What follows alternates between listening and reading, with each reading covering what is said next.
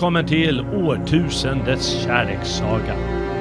Sagan om Tristan och Isolde har förvisso urgamla keltiska rötter, men som vi känner den tillkom berättelsen på 1100-talet och firar därför snart sina tusen år.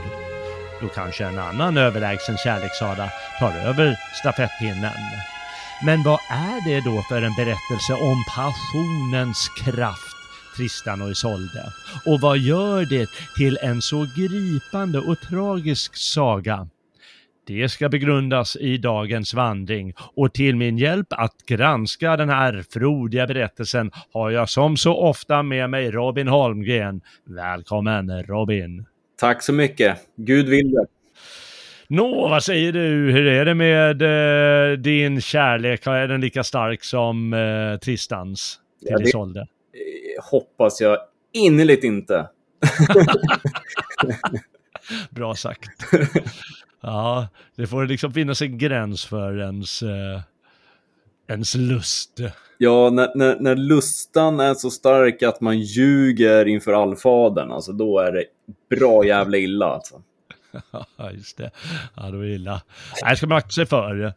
Uh, och, uh, fast det är fascinerande, det är ju det är inte det enda uh, fenomenet, men det är ett av de vanligaste fenomenen, särskilt de ser, nu för, pratar man, eller visar man gärna film och så vidare om just kärleken ska vara en väldigt viktig ingrediens. Mm.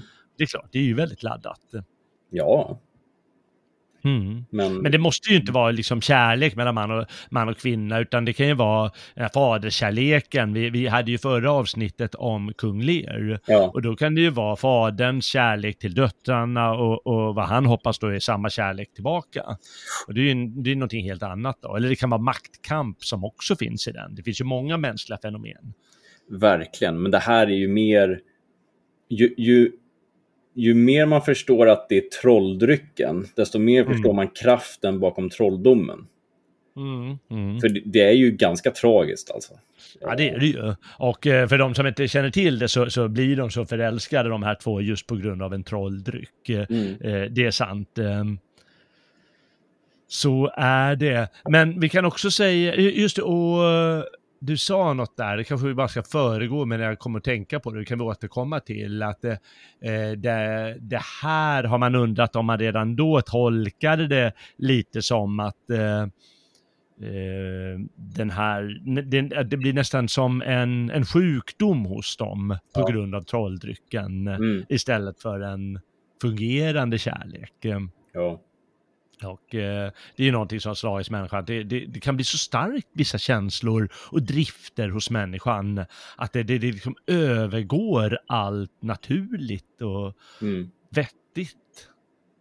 Ja, verkligen. Och, och, när man sätter det i sitt sammanhang då, i, i berättelsen, så, så är de ju ändå också fast i sin kultur, i sina traditioner. Att, eh, men, såklart du ska gifta dig med kungen och så vidare. Mm. Fast egentligen så hade de ju bara kunnat köpa ett skepp och stuckit därifrån och fortsatt vara förälskade. Eh, mm, men ja, men det, ja. de, ge, de ger ju inte upp sin materiella strävan heller. Nej, nej. Det... Och det, nej. Det, det, sätter ju saker och ting i sitt perspektiv tycker jag. Ja, det gör det och det skapar ju konflikter givetvis. Oh ja. Oh ja. det är ju så det är, livet. Eh. Och innan vi bara berättar vad om kan vi säga att det, det, är fortfarande så att vår bild av kärlek mellan man och kvinna, mm. eh, det formades på den här tiden. Alltså idealbilden av kärlek, eh, mm. det är lite så att den, började, att den formades av eh, den här sortens författare som skrev Tristan och Isolde. Mm framförallt det man brukar prata om, den, den höviska kärleken hos, hos trubadurer på den tiden. Eh, där man ska bli, alltså man ska vara superkär ja. i den andra. Du vet, egentligen har ju människan, eh, människan har ju alla tider egentligen blivit tilldelad en maka ja. eller maka vare sig man är man eller kvinna. Det är inte något man väljer. Mm. Och kärleken är någonting annat än det vi tänker. Utan det vi tänker idag om kärlek, det är ett ideal som formades här. Mm. eh, I den här tiden som en idé, mer än som verklighet givetvis. Mm. Som dikt. Och det har överlevt eh, hela tiden. Det är mer än, än den här första kärleksfasen, den här lustan på något sätt. Mm. Ehm, inte, inte den traditionella mognade kärleken.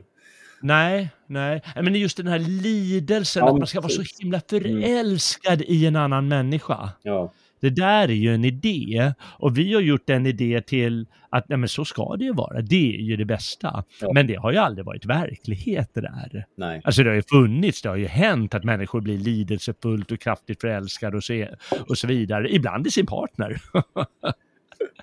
Låter lite brutalt det där, men det skälet till att jag skrattar och att vi tycker det där låter ju knäppt är ju för att det vanliga i historien, det är inte att man blir lidelsefullt förälskad i sin partner. Nej, Det är verkligen. inte så det har fungerat och det är egentligen så det fortfarande inte fungerar, men vi har det som ideal. Mm.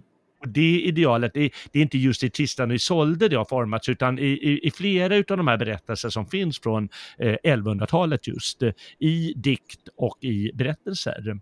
Då är det skapat. Mm. Vi får se om vi, hur mycket av det, just det vi kommer in på, men eh, Eh, vi ska väl, vi ska, vi, vi- kan du några andra kärlekspar eh, så, som du kommer på så här, lite i historien och litteraturen som är väldigt starka? Åh. Måste du sätta mig på pottan så här? Nej, jag kommer inte på några själv. Det är Det är därför jag frågar. Eh, Romeo och Julia har ju förstås blivit det. ja, jo. Och de bygger i sin tur, det går ju tillbaka till en antik berättelse om Pyramis och Tispe heter de. Och som Jaha. i sin tur går tillbaka på en orientalisk historia. Okej. Och det är det här, och som även, vad heter det, eh, Ronja Rövardotter bygger ju också på det. Mm. Att det är liksom konkurrerande, eh, nästan hatiska familjer där barnen blir förälskade. Och de kan bara kommunicera, de har liksom en, en liten spricka i en vägg eller de har liksom det här gapet eller de kan inte kommunicera som vanliga människor utan måste göra det i de här smygsituationerna. Ja, ja. Mm. Eh, alltså, den, det, jag tänker på det är ju Sigurd egentligen. Karl Sigurd, ja. Så. Ja. Med Gudrun och Brynhild liksom. Ja. Eh, och Gunnar såklart då. Mm. Ehm. ja. Den måste kanske vi verk- nästan ta någon gång, hörru du. Ja, man kan ta verkligheten sådana här lite konstigare som eh, eh, Erik den 14 och Karin Månsdotter som eh, ja, här konstig konstellation. Mhm. Ja, den kan jag inte så Eh. mycket om. Men, eh, Nej, men det var hans frilla liksom som han tog, sig, tog till sig lite väl mycket tyckte man. mm. Eh, vad mer har vi?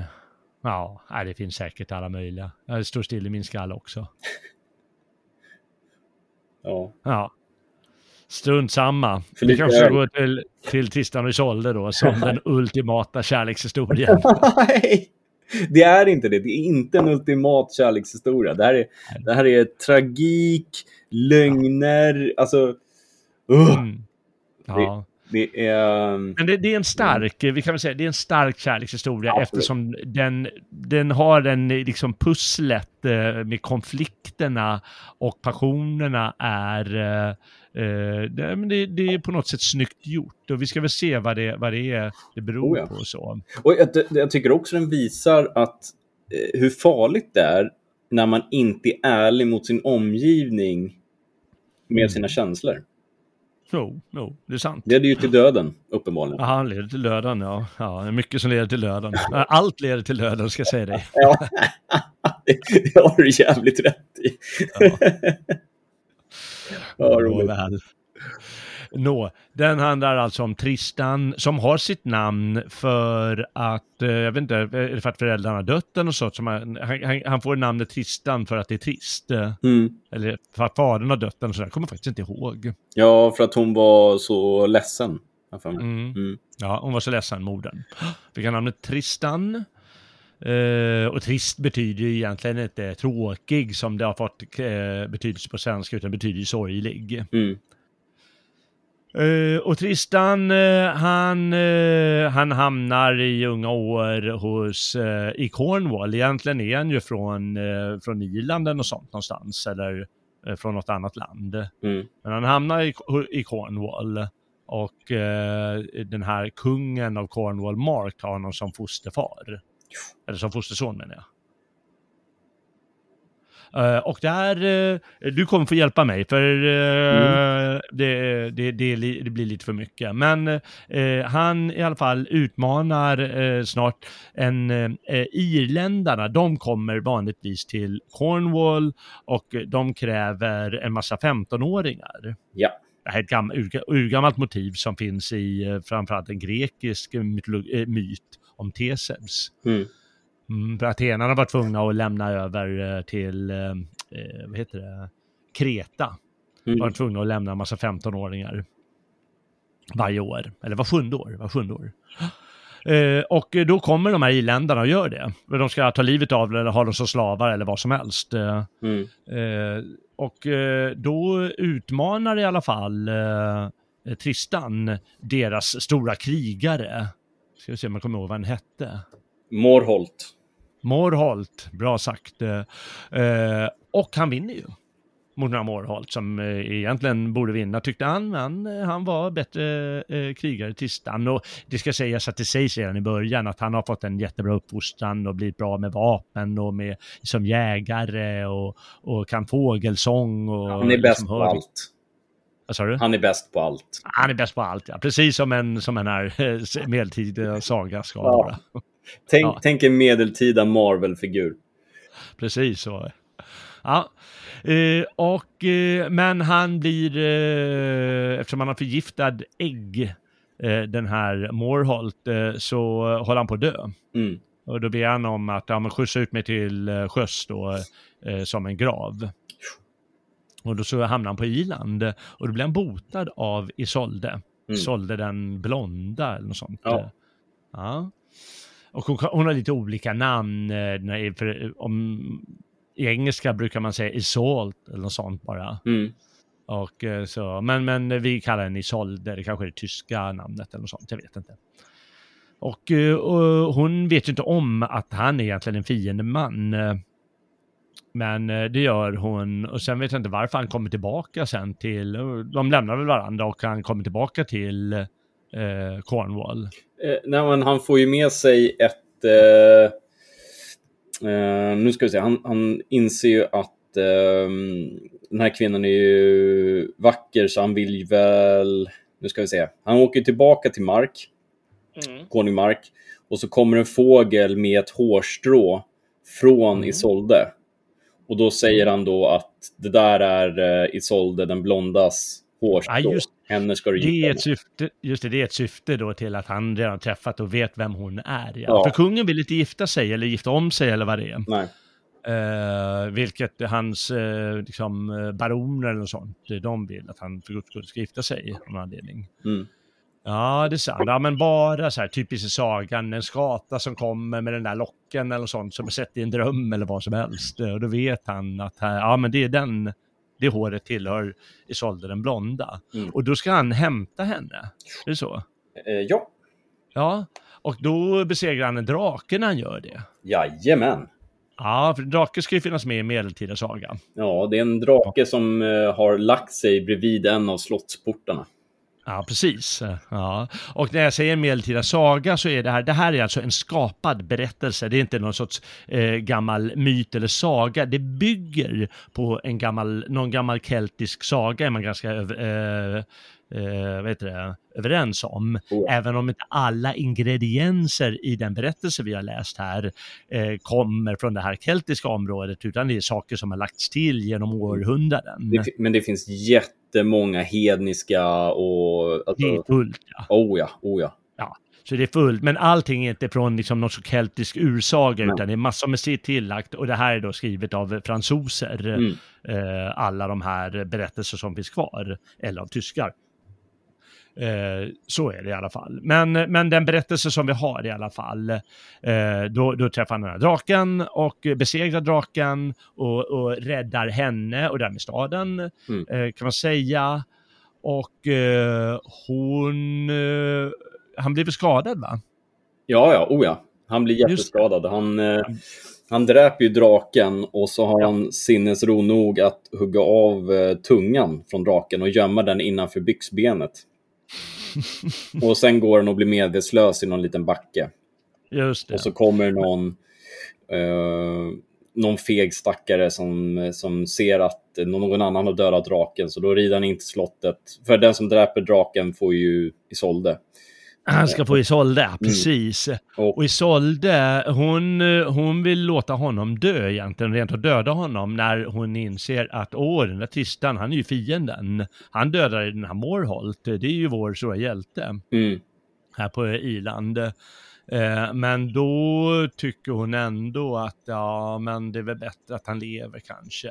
mm, På något sätt, han är ändå räddat oss och sådär. Och så eh, eh, helar hon honom och, och, och sen så hjälper han henne genom att eh, den här lömska, fula, eh, vedervärdiga personen inte ska få henne. mm, För att han tror att han har dödat, han, ska, han låtsas att han har dödat draken som du sa. mm. Ja.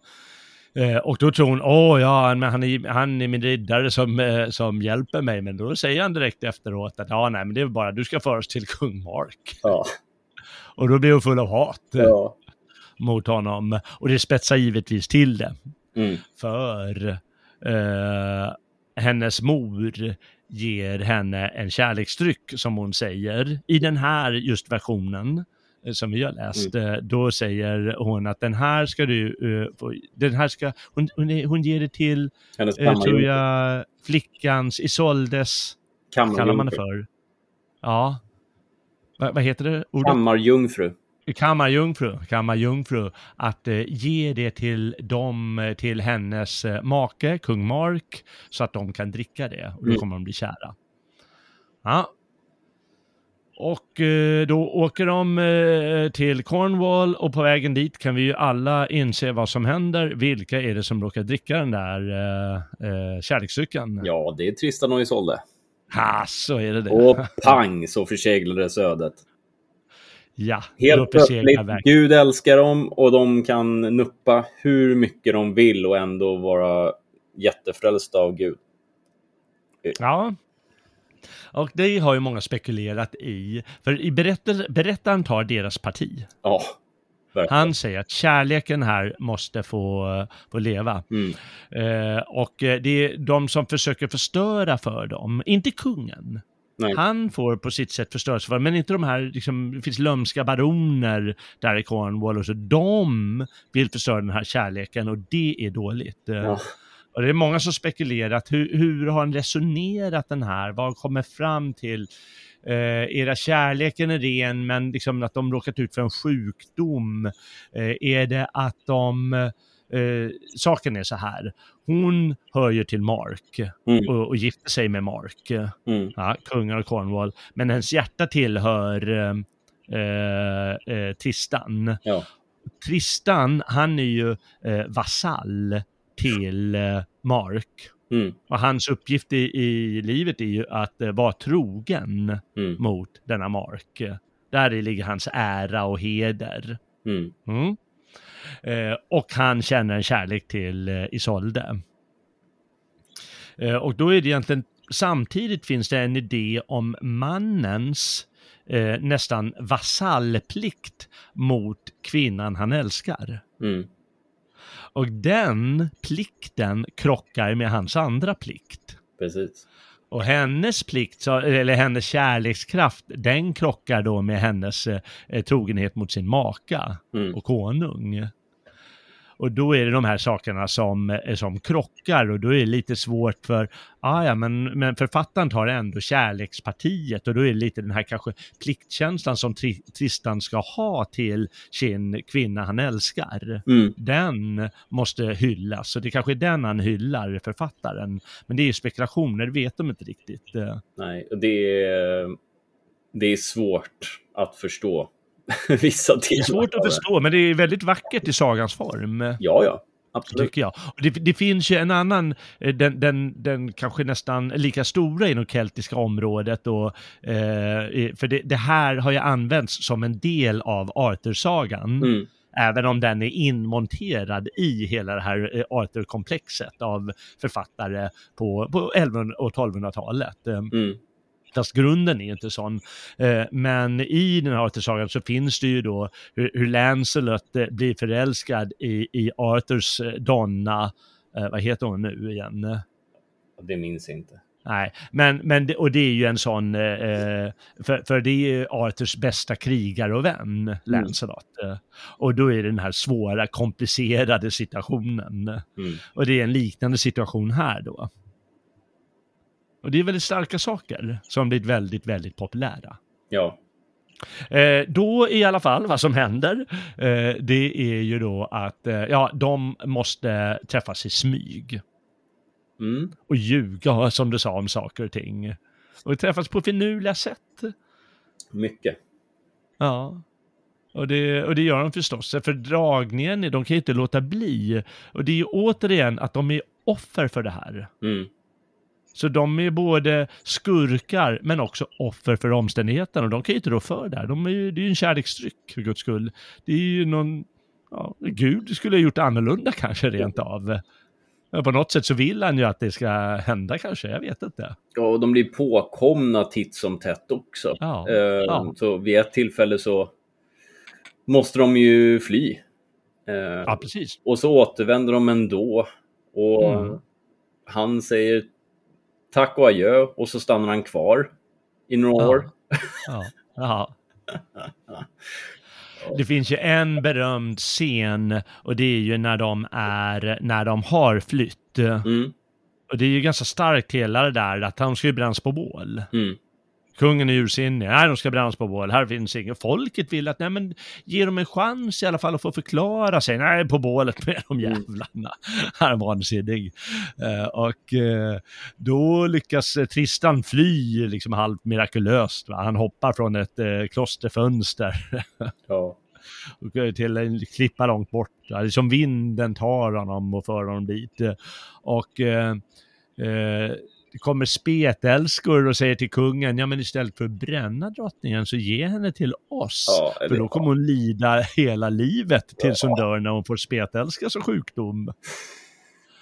ja. Och då räddar ju, lyckas i alla fall Tristan rädda henne från de här spetälska eh, människorna.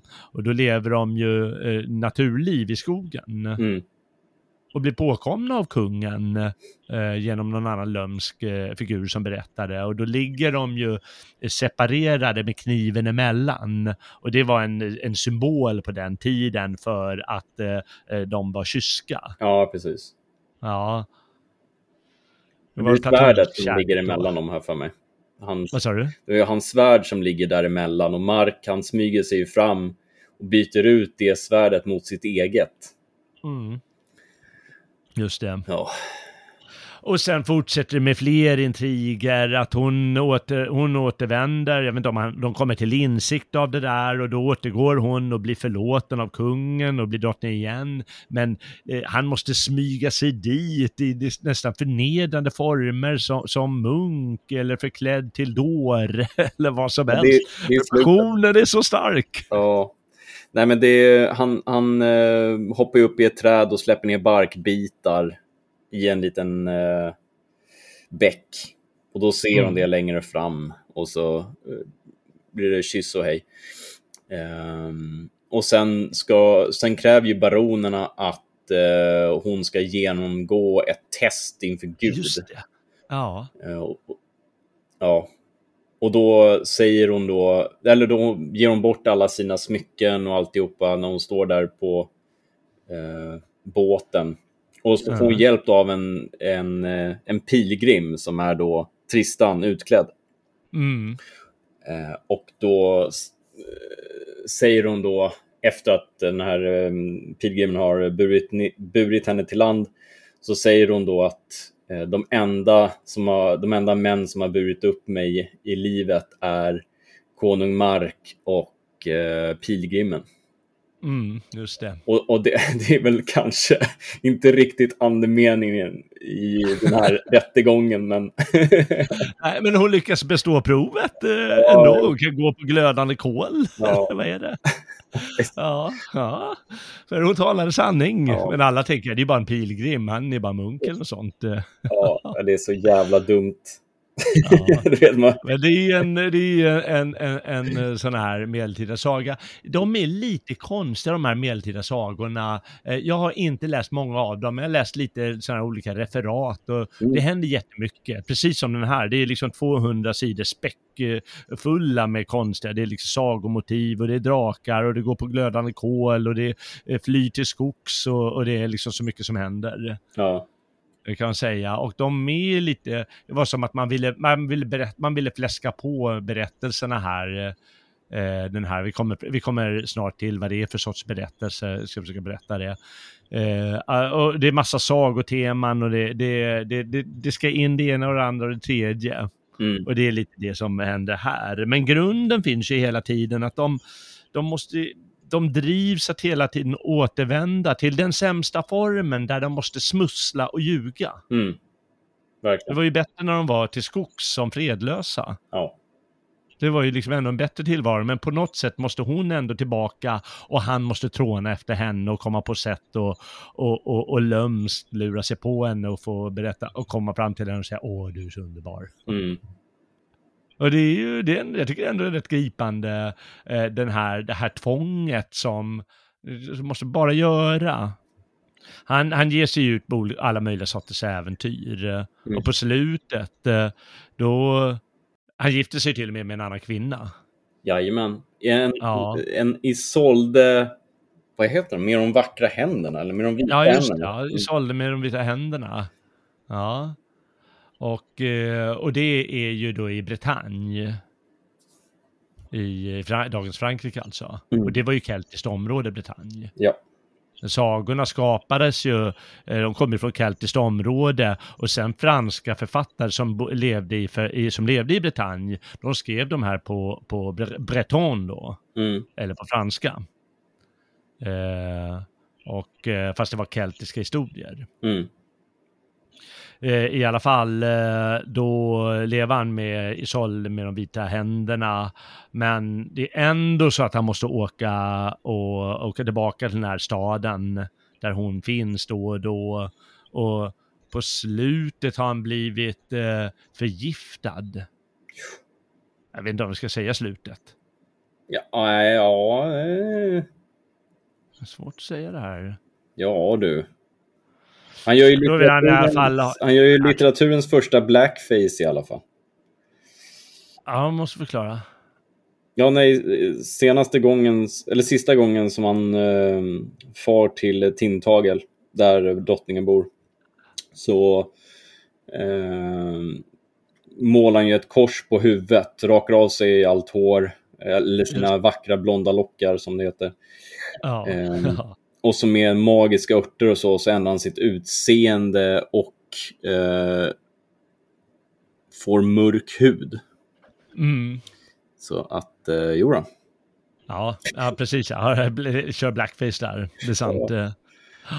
Ja, nej, men lika bra. Vi måste nämna, nämna slutet, för det är så starkt hur uh, kärleken liksom är inneboende och mm. ämnad för dem. Ja. Att uh, han, uh, han blir förgiftad och det är bara hon, Isolde, den blonda, som kan hela henne med sin läkekonst och sitt hjärta kanske, halvt som halvt. Och då ska hon komma till, om hon kommer med det där skeppet som är menat att hon ska komma med, mm Eh, då ska det hissas vita segel. Precis. Och om hon inte kommer, då ska det hissas ett svart segel så att han vet att hon är, oh, hon är på ingång. Liksom. Mm. Eller inte på ingång. Och då har hans eh, fru då, Isolde med de vita händerna, hon har ju fått nys om att aha, men det är hans gamla flammare där. Mm. Och då så ljuger hon förstås och säger nej, det är ett skepp med svart segel. Men egentligen är hon ju på skeppet ja. eh, Isolde och då, då brister hans hjärta och han dör. Och så kommer hon fram och eh, då dör väl hon också av sorg. Precis, hon lägger sig, hon kysser honom, lägger sig bredvid honom och dör. Precis, som, som man gör när man eh, är starkt förälskad. Då gör man på det sättet. Ja? Precis. Och sen begravs de och då växer snåren över varandra. Slingrar in sig som björnbärsbuskar gör Precis. i varandra. I deras gravar. Fast bönderna hugger ner dem eh, i typ tre års tid. Och sen bara, Ja. nej, nu ger de upp. Ja, precis ja. Ja, för de är nämligen ämnade åt varandra Ja. i all tid och evighet. Och det är också väldigt vackert. Det- Och det där är ett urgammalt motiv, det har jag läst liksom även i kinesiska berättelser. Mm.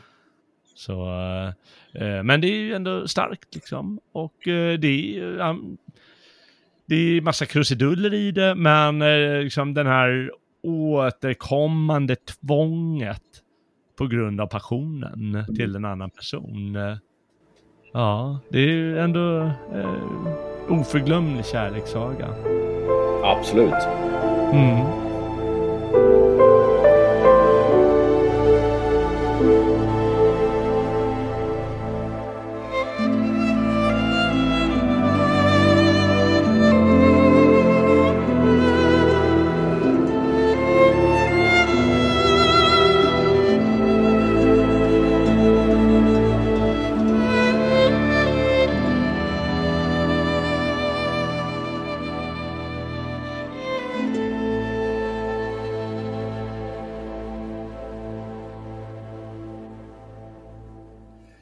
Ska vi börja läsa några utdrag eller? Ja, men det måste du ju göra. Har du, har du något speciellt där? Jag har Eh. hur många som helst. Jaha, ja, ja, det är roligt eh, att du har det. Ja. Jag har eh, något ur den boken som vi har läst. Och det kan vi ju säga på en gång. Vad är det vi har läst? Den här versionen, eh, Tristan och Isolde, den här berättelsen, Mm. den finns alltså i många versioner från 1100-talet och 1200-talet. Eh, Det är författare som har byggt på varandra. Det är författare som har ändrat. Man brukar dela det i en mer så kallad vanlig Tristan och Isolde berättelse och den, eh, den som föredrogs vid hoven. Som är en Mm. förfinad variant. Och där man faktiskt, där man tydligen använder vissa ingredienser då, lägger till saker för att få en förfinad kärlekskänsla och så, eller vad man ska kalla det. Den vanliga är kanske lite grövre eller jag vet inte vad jag ska kalla det för, men det är i alla fall skillnader och det är olika personer som har diktat olika delar beroende på vad de har haft för publik antagligen och velat berätta. Mm. Eh, och eh, sen så har de, eh, har i någon av de här som har lagt till det här med, eh, har man diktat in det här med kung Arthur och dragit in hela den, för det var, som det var så populärt med de här Arthur-berättelserna. Då har man vävt in Tristan och in i det. Så det finns många, och då var det en fransk forskare på, eh, i slutet av 1800-talet, början av 1900-talet, och han skrev ihop då en egen, eh, en då som han tänkte, ja men det här är liksom någon, den ultimata Tristan och Isolde som den borde vara, eller vad man ska kalla det för. Inte den ursprungliga keltiska sagan kanske, men liksom någon form av där han får in det bästa av de olika ingredienserna utan att bli för kaotiskt. Eh, och han han heter Mm. Joseph Bédier då. Och det är den som folk brukar läsa. Även om det finns annat översatt på svenska lite grann också. Men den är ganska vanlig och lätt att få tag på i alla fall. Mm. Mm. Och eh, ska du ta någonting som du tyckte var väldigt typiskt eller bra? Ja, alltså jag, jag tycker det är spännande och fascinerande med alla dessa åh gud hela tiden och så finns det så otroligt mycket hedniskt i det ändå. Mm. Mm. Eh, jag tänkte väl börja med den just rituella striden mellan Tristan och Morholt. Mm. Eh, det. för att den striden, och det här kommer det här typiskt eh, medeltid. Tristan slungar sin stridshandske till Morholts fötter och Morholt upptog den. Så att det är här, den här klassiska handsken, Mm. men så ska de strida på en ö. Så båda Mm. två ska ta var, varsitt litet fartyg och ta sig dit. Eh, det, det här är otroligt hedniskt. Ja, ja, visst, Eh, visst. du vet att ha en specifik plats och, och göra upp, så det är en holmgång kort och gott. Mm. Ja, eh, precis. En holmgång. Mm. Så jag tänkte bara ta lite i slutet där, när han har vunnit. Mm. Slutligen vid middagstiden såg man i fjärran ett purpursegel hissas. Irländarens båt lämnade ön och ett rop av förtvivlan skallade. Morholt, Morholt! Men när båten närmade sig och tydligt blev synlig för ögat syntes plötsligt två, på en vågkam en riddare stå upprätt i fören och i vardera handen svingade han ett svärd. Det var Tristan. Genast ilade 20 båtar honom till mötes och ynglingarna kastade sig i vattnet för att simma emot honom. Hjälten svingade sig raskt i land och medan de knäfallande mödrarna kysste hans benskenor skrek han till Morholts följeslagare. Ädle herrar av Irland, Morholt kämpade tappert. Se, mitt svärd har fått ett djupt hack. En bit av klingan stannade i hans huvudskål. Tagen med er denna stålbit, ädle herrar, det är Cornwalls tribut. Just det. Och, och den här delen av svärdet som fastnar i Morholts huvud, den kommer ju synas senare i berättelsen. Verkligen. Det, det kommer tillbaka, så författarna var ju liksom bra på det där att ja, men behåll en liten bit av berättelsen här så vi kan spå, påminna om den och ge den en del av betygen senare. Mm. Mm. Men säga någonting om det här med hedniska, och det, är, eh, Mm. eh, och det är som du säger, det finns jättemycket hedniskt i det, inte bara de här sagoelementen som inte finns i Bibeln med drakar och så vidare, utan Mm. även som du säger här med holmgången som är så typisk och en massa andra grejer. Mm. Och det är ju förstås, de, de frossade ju sånt. De frossade Ja. i sånt, de visste ju att de var kristna och, och det där är ju, eh, det, det är hedniskt dravel, men de frossade i det för de älskade det förstås. Eh, De älskade sagor precis som du och, du och jag älskar sagor idag. Så älskade de sagor på den tiden också. Det blir lite kryddigt liksom. Ja, det blir ju kryddigt, eh, men sen var det förstås givetvis att det levde kvar i den kristna världen. Massor med sådana hedniska element. eh, Mm. Liksom, eh, både bland bönder och bland, eh, eh, bland adeln. Eh, det är bara det att eh, adelsmännen, de, eller vid- vid hoven, då visste de ju om det, att de levde i en sån dubbelvärld lite, att de ska vara kristna, men ja, men det här är ju också roligt att hålla på med. Mm. De visste också att eh, de berättarna, man tror ju att det här var någon, någon form av, eh, som jobbade inom kyrkan eller klostervärlden som har skapat den här historien, Mm. eh, eller någon av dem i alla fall, där, eftersom han kunde, uppenbarligen kunde ganska mycket av antika sagor som, som finns en del sådana ingredienser Mm.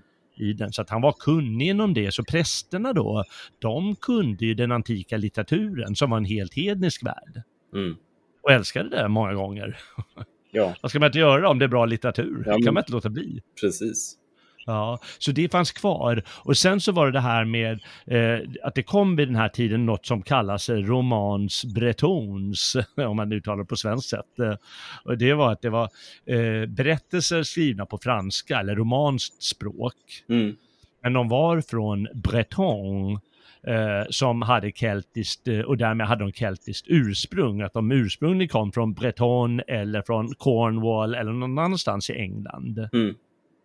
Eh, och därmed hade det här keltiska hedniska ursprunget. Eh, Mm. Så, så man frossade helt enkelt i, i, i sådana saker för att det var populärt då Det är ju klart. på 1100-talet, 1200-talet. Eh. Mm. Ja, en, Hur, mycket, hur mycket gudfruktig man än var. ja precis. Mm. Eh, apropå just det här hedniska. Eh, Ja. Då tiden snart skulle vara inne att överlämna Isolde åt riddarna från Cornwall samlade hennes moder olika örter, blommor och rötter, blandade dem med vin och bryggde därav en stark dryck. Sedan hon med, med sejd och kunskap fått drycken färdig hällde hon den i en lägel och sade i hemlighet till Brangien, alltså kammarjungfrun. Mm. Flicka, du ska ledsaga Isolde till konung Marks rike, och du älskar henne med trofast kärlek. Ta då denna vinlägel och lägg mina ord på minnet. Göm denna lägel så väl att inte ett öga får se den och inga läppar beröra den. Men när bröllopsnatten kommit och ögonblicket är inne att lämna makarna alena, då må du kredensa detta örtvin i en pokal och bjuda dem drycken, på det att de må- måtte njuta den tillsammans, konung Mark och drottning Isolde. Du måste se till, min flicka, att endast dessa två får läppja på min brygd. Ty sådan är dess makt, att de som dricker den tillsammans skulle älska varandra med alla sina sinnen och alla sina tankar, för all tid, i livet och i döden. Mm. Just det. Och det här faller så väl ut när de har Mm. råkat dricka det här. Mm. Eh, då tryckte han sina läppar emot hennes. Men då de för första gången tillsammans smakade kärlekens fröjd utstötte Brangien, som bespejade dem, ett högt rop och med utsträckta armar och anletet badande i tårar kastade hon sig för deras fötter. Olyckliga, hejda er och vänd åter om det ännu står i er makt. Men ack, vägen är utan återvändo, redan har kärleken fått er i sitt våld, och aldrig mer skolen ni njuta en fröjd utan smärta. Det är örtvinet som behärskar er, kärleksdrycken som er moder i sålde har anförtrott mig. Blott konung Mark skulle få tömma drycken med er. Eh, men den lede fienden har drivit sitt spel med oss och istället är det ni två som tömt bägaren. Min vän Tristan, min vän Isolde, jag överlämnar åt er min kropp och mitt liv som straff för min försummelse. Ty genom min förskyllan haver ni ur denna förbannade bägare druckit kärlek och död. De älskande omfamnade varandra, omfamnade varandra och i deras vackra kroppar skälvde åtrån och livet. Tristan sade, så må döden komma. Mm, just det. Så må döden komma. Ja, så är det. Ja, jag tycker det är starkt det där. Jag får lite rysningar faktiskt alltså. Ja, man får lite rysningar. Och eh, nu, nu ska jag läsa ett eh, litet avsnitt ur Gottfried från Strasbourgs eh, eh, variant. Eh, Mm. eh, för för det är en del jag hittade här på vers här hemma. Ja. Som, eh, som finns kvar. Och han skrev då den på 1200-talet, en, eh, lite, en, en mer förfinad variant avsedd för hoven. Och han bygger, fast han bygger på en av de här som skrevs kanske 30 år, 40 år tidigare. Okej. Mm. Eh, och eh, och det, då har de också druckit eh, drycken precis. Ja. Då denna mö och denna man, skön Isot och herr Tristan, nu druckit drycken båda två, strax oroskällan i världen då, kärleken, som förföljer vart sin, smög sig i deras hjärtan in och innan de hunnit något ana, hon stötte fast sin segerfana och drog dem båda i sitt bann. De blev och ett, gingo upp i varann och deras tvedräkt slutade så. De hatade ju varandra innan. Mm. Eller hon hatade honom och han tyckte hon är bara en, hon ska bara åt kung Mark. Eh, ej någon av dem kunde då bevara avskyn som i dem brunnit. Isoldes hat hade nu försvunnit. Kärleken, alltings försoning i deras sinnen tagit sin boning och de från hatet renat. I kärlek så fast förenat att allting stod för den andre klart som i ett spegelglas uppenbart. De båda hade ett hjärta. Hennes plåga var hans smärta. Hans smärta var hennes plåga. Det vore ett och samma låga förtärde dem i kärleksglöd. De dolde dock för varann sin nöd och fingo tvivel och skam känna på. Hon kände skam, han lika så. Den ena tvivlade på den andra, hur blint de än åtrådde varandra och önskade att vara ens. Mm. Ja, så bra. diktade han om det som händer dem när de har druckit den. Mm. Och det är ju det, va? De, de delar varandras plågor och smärta och kärlek och allt vad det är. Men de kommer förråda varandra eller de kommer att, eh, eh, vad sa han, eh, tvivla på den andra och eh, ja, ha en massa problem också. Ja. Och det är ju det som är grunden. Det är ju förstås att det är deras starka plikter som de har Mm. krockar. Ja, men Och det verkligen. kärleks och med hela den här kärleksproblematiken. Och det är ju ofta så med, med många kärleksberättelser att det ja, krockar med plikterna. Mm. Ja. Ja, eh, jag eh, hittade ett ställe i boken också strax efter att de har druckit den här som jag tyckte var ett par ställen i samma Mm. kapitel som var väldigt starka. Eh, och eh, när författaren ger från sig olika insikter, de, de gör det med jämna mellanrum.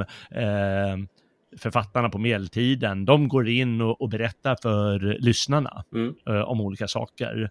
Eh, och då berättar berättaren, det är inte den trogna eh, branschen, det vill säga kammarjungfrun, det är sig själva de älskande borde frukta. Men hur skulle deras rusiga hjärtan kunna vara vaksamma? Kärleken ansätter dem liksom törsten driver den jagade hjorten till floden. Eller liksom sparvhöken när den efter en lång fasta släpps lös störtar sig över sitt byte. Ack, kärleken kan inte döljas. Förvisso lyckades ingen, tack vare branschens omtänksamhet, överraska drottningen i hennes väns armar, men kunde inte en var överallt och i varje ögonblick se hur åtrån upprörde dem, hopsnörde deras strupar och flödade ur alla deras sinnen, liksom det unga vinet strömmade ur karet. Och det är ju det här att alla ser ju att de där är kära. Ja. Även om de försöker dölja det, mm. I det här fallet måste de göra det, så ser ju folk att det är, det är något som är laddat här. Ja. Någon, någon, någon, någon kraft som härjar. Ja. Och det är rätt häftigt det där när man ser det människor liksom. De behöver inte gå hand i hand eller något sånt, utan man bara ser att det finns någonting där mm. som sprutar ut ur dem eller strålar ut ur dem. Ja, jag, tycker det, jag tycker det är coolt det där, Just. måste jag verkligen säga, det med passionens kraft. Att den, liksom, det är inte bara någonting som finns i deras sinnen och deras hjärtan, utan det liksom strålar utanför dem. Det är så, som sorts ungdomlig kärlek. Mm, precis. Uh, ungdomlig kärlek verkligen. Ja, jag tycker också det. Uh, och sen ska vi se, uh, bara ett par sidor fram tyckte jag. Då, då står det så här. Hon ville fly till Tristan. Hon drömmer att hon stiger upp ur sin bädd och springer till dörren. Men på den mörka tröskeln har de onda männen lagt stora liar och de grymma skarpslipade klingorna hugga tag i hennes finhyllta knän. Hon drömmer att hon störtar omkull och att två röda springvatten sprutar upp ur de avskurna knäna. Snart ska de älskande dö om ingen bringar dem hjälp och vem skulle bistå dem? Om inte branschen. Med fara för sitt liv har hon smugit sig till huset där Tristan försmäktar. Full av glädje öppnar eh, Gorvenal, det är hans, eh, vad ska man säga, hans gamla lärare va? Mm. Dörren för henne och för att rädda de älskade, eh, älskande råder hon Tristan till förslagenhet. Sannerligen ädla herrar, säger berättaren. Aldrig har ni hört berättas om en skönare list i älskog att hon drömmer de här drömmarna att, eh, som plötsligt blir mörka liksom för att hon längtar efter honom eller något sånt eller att hon är rädd att det ska hända någonting och om hur de sen ska kunna träffas. Mm. Och så är det ju sida upp och sida ner. Ja. Ja, du skrattar du. Ja, nej, ja. För det jag kommer läsa upp det är när han står i den första rättegången med Mark. Mm det är ju de här tre baronerna då som, som är så hemska, som märker mm. att eh, men drottningen är ju otrogen med en av hans vasaller. Liksom. Just det. Vilket de har tagit upp då med Mark. Eh, och då står det så här, men han förtröstade på Gud och visste att ingen skulle våga resa ett vapen emot honom inom skrankorna. Och förvisso förlitade han sig med rätta på Gud, när han svor att han aldrig hade älskat drottningen med brottslig kärlek, skrattade, för, skrattade förrädarna åt så skamlöst hyckleri. Men jag vädjar till er, ädla herrar, jag vädjar till er som veta sanningen om kärleksdrycken på havet och förstå dess innebörd. Hur kan man säga att han for med lögn? Det är icke gärningen som bevisar brottet, utan domen. Människorna ser till, till gärningen, men Gud ser till hjärtat, och endast han är rätter domare. Därför har han stadgat att varje anklagad med vapen i hand får försvara sin sak och Gud själv kämpar vid den oskyldiges sida. Av denna orsak krävde Tristan rättvisa och envig och aktade sig väl att brista i vördnad mot konung Mark. Men om man hade kunnat förutse vad som hände sedan skulle han ha dödat förrädarna. Ack min gud, varför dräpte han dem icke? Mm. Och det, Mm. det är det där väldigt spännande med att du och jag ska slåss och den som vinner har rätt. Ja. ja, för då är Gud på din sida. Ja. Eller på den vinnarens sida. Jag tycker det är en ganska fascinerande ett för- fascinerande förhållningssätt till rättvisa. Ja, väldigt, väldigt fascinerande. Jag, är inte, jag är inte liksom emot det på något sätt egentligen. Jag, jag tror att mycket, Nej. många så här idiotgrejer i eh, rättegångar hade löst med ett vanligt hedligt slagsmål. Eh, men Ja, just det. Ja. men eh, det, det som jag har så svårt för är ju att han säger att han inte hyser en brottslig kärlek. Men vad är det då? Det är ju Ja. otrohet i Just det. maktens högsta boning liksom. Ja, det är verkligen. Men det är väl det att det, själva, själva kärlekskänslan, Ja. att den inte är brottslig. Eh, för det är ju någonting han inte kan rå för. Han är bara ett offer för det. Men eh, själva gärningen sen, att han är otrogen och att han ljuger för sin eh, vasallherre, det är förstås eh, brottsligt. Eh, ja. Men eh, han balanserar väl hela tiden mellan det på ett snyggt sätt. Eh, sen tycker väl jag också, jaha men, eh, jaha, ja, lite konstigt det här. Ja, men smått. Ja. ja. Men det värsta är ju när eh, konung Mark dömer henne. Nu ska vi se Mm. vart det är. Det är så himla sjukt alltså. Så sjukt. Kungen svarade Ja, må hon leva, men hennes vanära måste vara stor och hennes liv värre än döden. Den som kan föreslå ett sådant straff skall vara mig till behag. Och då kommer den här spetälska då. Ja. Herre, låt mig då i korthet utlägga min tanke. Du ser mina hundra kumpaner samlade här. Giv oss Isolde och låt oss äga henne gemensamt.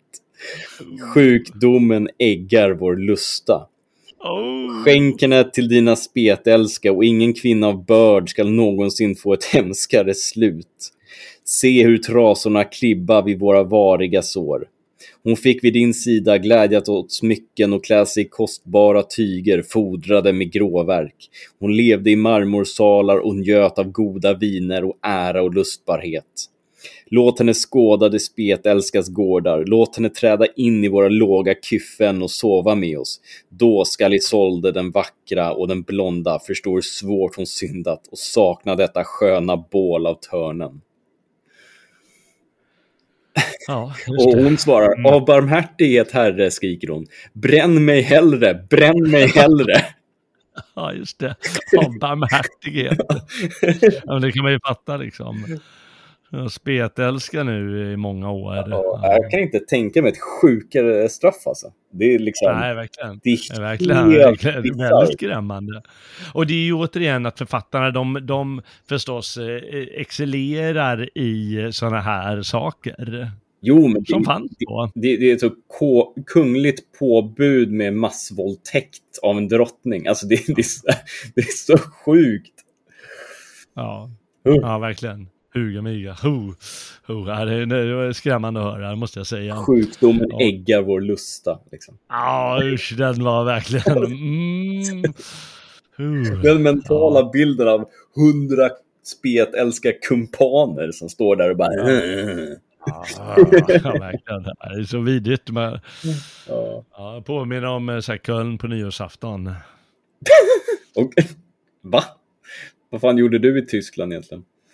Ja, men eh, jag vet inte om du minns den incidenten, men det var en nyårsafton för några år sedan i Köln. Ja, eh, just det. 2016. Mm. Just Det inte- Eh, Tara, Tara Husch eller Tara... Ah, de, jag vet inte vad de körde för lek där, men Mm. mm. påminner nästan om den här scenen. Ja. Ja. Ja Nej, det är klart att det, det, det är drakar och det är spetälska och det går på glödande kol och det är kärleksdrycker och det är liksom det ena och det andra. Och det här är bara en bok av flera som, som finns från den tiden. mm. Eh, eh, det är mycket. Och det finns förstås inte alltid i de filmer som gjorts. Det gjordes en film, eh, Tristanens ålder 2006, eh, Mm. Jag såg om den eh, häromdagen. Eh, jag tyckte inte den var så dålig faktiskt. När jag tittade på den, för när den kom då tyckte jag den var rätt träig. Men jag tyckte, ja, det var väl okej okay det här. Men då har de skadat bort eh, de flesta sådana, ja jag tror allt övernaturligt. Eh. Ja. Ja. Eh, men ändå lyckats få ihop historien. Mm. Helt okej. Okay. Den kanske ligger närmare originalet, eh, alltså mm. originalberättelsen som den hade i sitt keltiska ursprung. Mm än, än den här som vi har läst. Mm, filmen. Eh, och det ska sägas, det, är liksom, det, det var ett väldigt typiskt keltiskt straff det här med att de får fly till skogs mm. och leva där.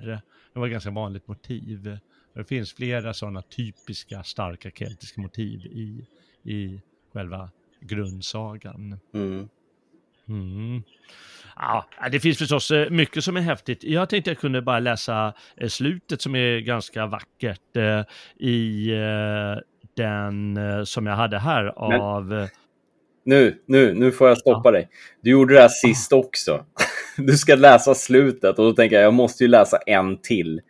Så får du, gör, okay. då får du läsa slutet, så är det slutet på riktigt. Ja, du slutet på riktigt? Ja, ja, okay. Jag, jag försökte det med ler också, men det, då hann jag inte. ja, du hann inte, nej. Ja, jag förstår. Ja, nej, jag skiljer inte så mycket på slut och början, bitter och alltihop. Eh, men det är bra att du förekom här. Ja. Härligt, få höra då. Nej, jag, vill, jag vill bara läsa upp eh, eh, kärleken, för, för det är vad det här är. Um, Tristan kan ju sjunga fågelsång. Uh, mm. Vilket är det han gör nu då. Mm. Drottningen tänkte, varifrån kommer denna låt? Och med detsamma förstod hon, ack, det är Tristan. Så brukade han fordom i Moroj skog härma fåglarnas läten för att tjusa mig. Han drager bort och detta är hans avsked. Så smärtsamt han klagar. Ja, han klagar som näktergalen när den i stor sorg bjuder farväl vid sommarens slut. Min vän, aldrig mer ska få höra din röst. Melodin blev allt eldigare. Ack, vad fordrar du? Att jag ska komma? Nej! Glöm inte eremiten Ogrin och de eder som vi svurit. Tystna. Döden lurar på oss. Men vad bryr jag mig om döden? Du kallar mig, du begär mig och jag kommer. Jag tycker det var mm. väldigt fint. Ja, väldigt vackert, eh, det måste jag säga. Det är massor med starka avsnitt. Vi tycker det kanske är konstigt med alla de här ingredienser, lite huller om buller och ibland lite överdrivet och så vidare. Men det är många vackra partier också. Oh ja, oh ja. Ja, det, ja, det, det är Och jag har haft många elever som, eh, som sagt, jaha, nej, men jag har ju aldrig läst någonting, men det här var ju underbart ju. Mm. Så det är liksom någonting som slår när man, eh, eh, när man läser det. Det är ja, gripande ändå. Ja, mm. det är mm. klart. Krig och sex och kärlek, vet du. Ja, ja det, det går alltid hem. Ja. Så allra, allra, alla sorters. Um, nej, vi måste ju ta det här med slutet för att, att visa kärleken på allvar. Va? Mm. Även kärleken slutar i död en vacker dag. Så är det bara. Allting sa vi förut leder till döden. Ja. Så jävla muntert. Mm. Eh, så nu får jag bara hoppa in här någonstans. Tristan död på båren låg. Eh, Kurvenal och vad det är vet jag inte om det var hans gamla lärare eller vem det är nu.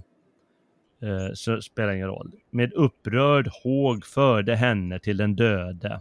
Uh, alltså dö, eh, det är när hon kommer Isolde den blonda. Uh, och uh, får, får se honom. Isoldes sorg och skakande öde och dödskval plåga mig att nämna. Dock vill jag intet utelämna. Strax hon linneduken tog och från hans ansikte den drog och såg på honom där han låg död och kastade sig i namnlös nöd på hans kropp. Hennes läppar ryckte och munnen hon mot hans mun tryckte och sin kind mot kinden hans och hon med kärlek utan sans med vita armar hans kropp omslöt. Döden sände stöt på stöt med skarpa styng mot hennes hjärta. Hans död gav hennes, henne dödens smärta ty han sin död i kärlek lidit för henne och med smärtan stridit. Nu dödens spjut i henne stack. Aldrig ett ord, varken ve eller ack, yttrade drottningen någonsin mer. Hon död på den döde sjunkit ner. I hennes kropp nu blott ett skal av outsläcklig kärlekskval brast hennes hjärta i tusen stycken som om tusen kvistar med kvidan mycken brustit i eldens bittra glöd. Så lågo de två i samma död. De följs i kärleksdöden åt den blonda drottningen Isot och Tristan, ty i sanning denne förgåtts i kärleksglöd för henne. Han dog för henne, hon för honom. Mm. Ja, visar de ända in i döden vilka det var som älskade varandra på riktigt. Jajamän. Mm. Så är det. Får vi se om det kommer någon kärlekssaga någonsin som är lika stark. Eller ännu starkare kanske. Ja. Kanske blir du som upplever den en vacker dag. Vare sig du vill eller inte. Vad pratar du med lyssnarna nu eller mig? Jag pratar med dig. Ja. ja, Ja. vad ska man säga? Ja, ja. Den som drabbas, drabbas. Så är det bara. Det är ingenting vi kan göra åt. Utan det är bara eh, leva stark med ja, det man upplever. Ja, lev, Mm. lev eh, troget din egen natur. Kör hårt. Ja, precis. Bemästra, bemästra det som kommer i din väg. Jajamän. Mm. Och tänk inte Ja. med kuken. Nej, eh, gör inte det. Nej, inte bara.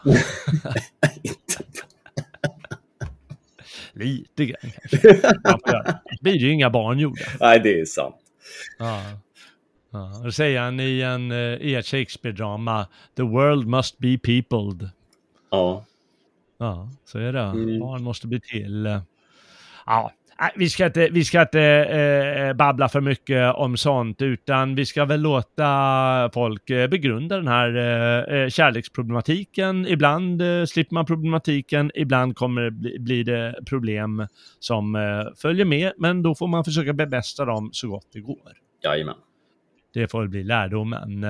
Har du någonting att tillägga, Robin? Nej, jag tycker det, det, det var väldigt effektivt. Mm.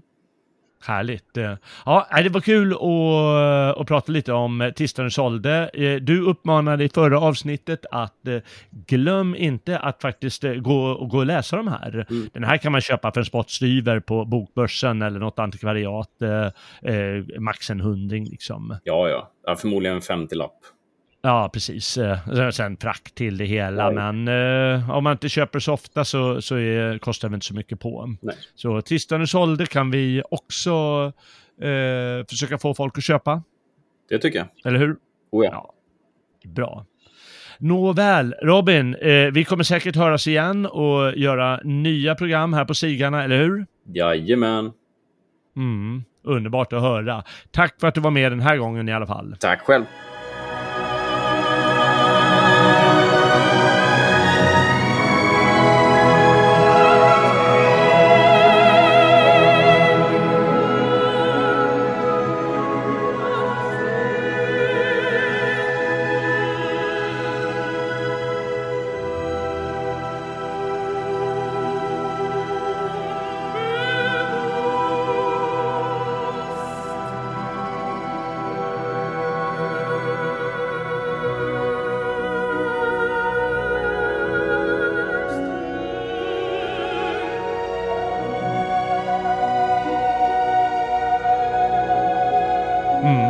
Tack också du som har vandrat med här på gamla och nya stigar med mig och med Robin Holmgren.